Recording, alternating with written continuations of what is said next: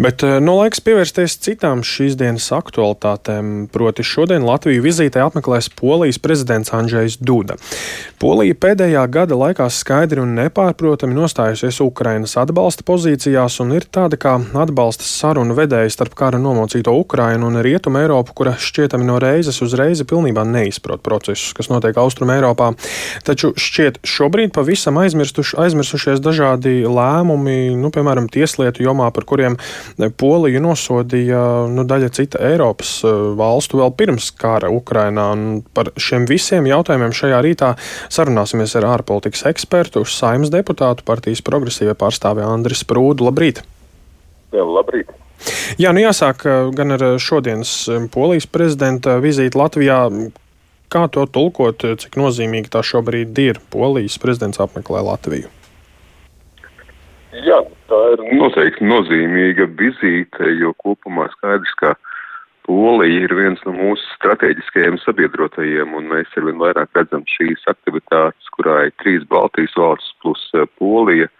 Un skaidrs, ka Polijas nozīme Latvijas drošībā pēc eh, Krievijas agresijas Ukrainā ir tikai pieaugusi, un noteikti tas ir apusēji. Tā kā līdz ar to jau arī pati vizīte, kas ilgst vai ilgs trīs dienas, jau ir tāds zināms apliecinājums tam, ka tiešām šeit eh, ir intensīvas sarunas dažādos līmeņos, gan ar kultūras un nevalstiskā sektora pārstāvjiem, gan, protams, šodien būs tāda ļoti aktīva piesātināta diena, kurā arī Andrzejs Duda tiksies ar uh, Latvijas dažādām augstākajām amatpersonām. Tā kā skaidrs, ka tas spektrs ir plašs sadarbībai un uh, drošība šobrīd absolūti ir pirmajā vietā, un te mums tiešām ir arī daudz ko runāt, tie arī mums ir kopīga pozīcija Ukrainas atbalstā.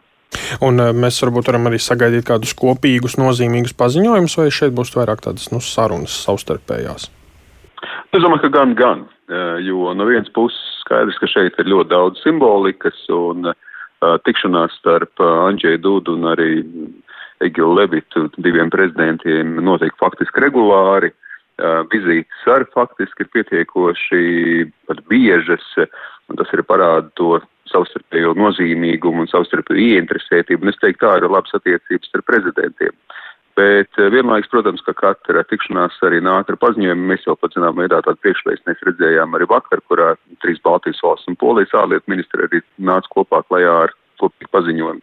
Tā kā noteikti šeit būs gan paziņojumi, gan arī vienošanās, kā mēs arī saprotam, pār drošību, arī pār sadarbību kultūras izglītības jomās. Tā kā skaidrs, ka šeit ir tāda plašāka paketa, kā jau varbūt arī tradicionāli tas ir šādām vizītēm. Jā, un kā mēs varam tad kopumā nu, vērtēt Polijas lomu? Nu, tā ir gan liela valsts austrum Eiropā, pazīst varbūt Ukrainu un, un, un arī to Krievijas um, gājienus. Nu, proti, Ukrainā notiekošā kara apstākļos, cik liela tad ir tieši tā Polijas loma, ja mēs salīdzinām varbūt ar citām Eiropas valstīm? Polijas loma ir nu, ja es neteiktu, varbūt izšķiroši, tāda noteikti ļoti svarīga, un es pat teiktu, neaizvietojama. Nu, neaizvietojama, kaut arī mēs paskatāmies uz geogrāfiju respektīvi visas piegādes, eh, ieroču piegādes faktiski iet cauri Polijas eh, teritoriju. Arī, ja mēs atceramies no pašas pirmās dienas, eh, nu, arī bēgļu plūsmas no Ukrainas, nu, pamatā jau tās visas arī ir gājušas cauri Poliju.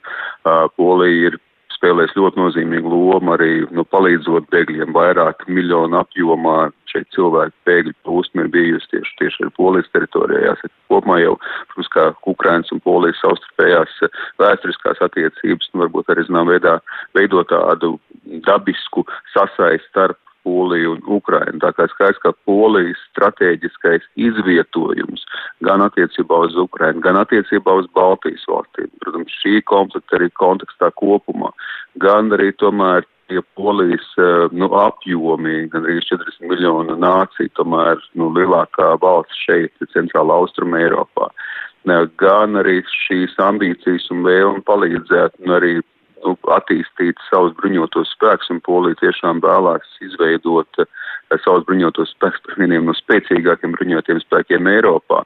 Arī mēs esam redzējuši nu, tādas pamatīgas aktivitātes tieši, lai pilnveidotu bruņotos spēkus, un šogad uh, aizsardzības izdevumu Polijā plānot līdz pat 4% un aktīvi iepērka gan tankus, gan citus bruņojumus. Un faktiski amerikāņu ābrams iet šobrīd tikai uz Ukrainu potenciāli, protams, mazliet tālākā nākotnē, un uz Poliju. Tā kā tas parāda arī šo savstarpēju sazobs ar Poliju un ASV. Tā kā Polija šobrīd tiešām spēlē ļoti nozīmīgu strateģisku lomu priekš reģionu, priekš Ukrainas un respektīvi arī priekš mums, kas, protams, arī parāda to, ka ne jau tikai Baltijas valsts Polija ir dienas kārtībā, skaidrs, ka Polija spēlē nu, tādu plašāku reģionālu, es pat teiktu, arī globālu nozīmi.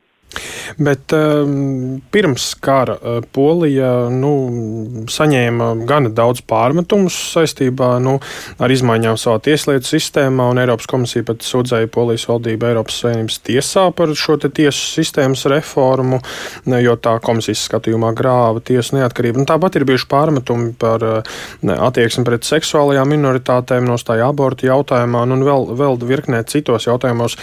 Izskatās, ka šobrīd tas viss ir pazudis no dienas kārtības? Nu, lielā mērā ir nu, teiksim, taisnība tajā jautājumā, jau, kur faktiski jau daļai ir arī atbilde. Skaidrs, ka šie jautājumi nekur pilnībā nav pazuduši. Šie jautājumi arī par polijas iekšpolitisko attīstību, par tieši tā par tiesbrīvību, par vārdu brīvību, tie joprojām ir dienas kārtībā un attiecības, varbūt, ja mēs skatāmies tieši starp Briseli un um, Varšavu, nu, it īpaši pirms konflikta, protams, ka nebija vienkāršs. Šeit bija pietiekuši daudz izaicinājumu, un pilnībā jau šie jautājumi nav noņemti no dienas kārtības. Un jāsaka arī, ka varbūt polijas valdība, polijas iekšpolitikā, nu tā zinām veidā pretnostatījuma politika ir valdījusi diezgan polarizēta arī teiksim, šī te politika starp politiskajām grupām, starp politiskiem sāncenšiem, politisko pozīciju un opozīciju. Bet skaidrs, ka arī tas, ko jūs jau teicāt, nu, karš ir izmainījis savstarpējās attieksmes, karš ir nolicis daudz šos jautājumus otrajā plānā. Ir savstarpējie meklējumi arī tomēr šīs attiecības uzlabot, jā, jāpiezīmē arī tas, ka Polijā šogad būs parlamentu vēlēšanas. Polijā arī tomēr ir ekonomiski izaicinājumi, arī augsta inflācija, tāpēc ir ļoti svarīgi arī, ka Polijā ienāk Eiropas Savienības finanšu resursi, un tāpēc, protams, kā šī savstarpējā nepieciešamība starp Eiropas struktūrām un Poliju um, ir, ir pieauguši šajā strateģiskajā kontekstā, un līdz ar to varbūt arī šie jautājumi, nu, nav vairs tik akūti, kā ir bijuši, bet pilnībā no dienas kārtības kārtības viņi nav pazuduši. Nu jā, tā tad nav pilnībā pazuduši no dienas kārtības. Paldies šajā brīdī, teikšu, ārpolitikas ekspertam, saimnes deputātam partijas progresīvai pārstāvim Andrim Sprūdam. Tātad runājam par Latvijas-Polijas attiecībām un Polijas lomu eh, Ukrainas karā. Tūlīt jau ziņas.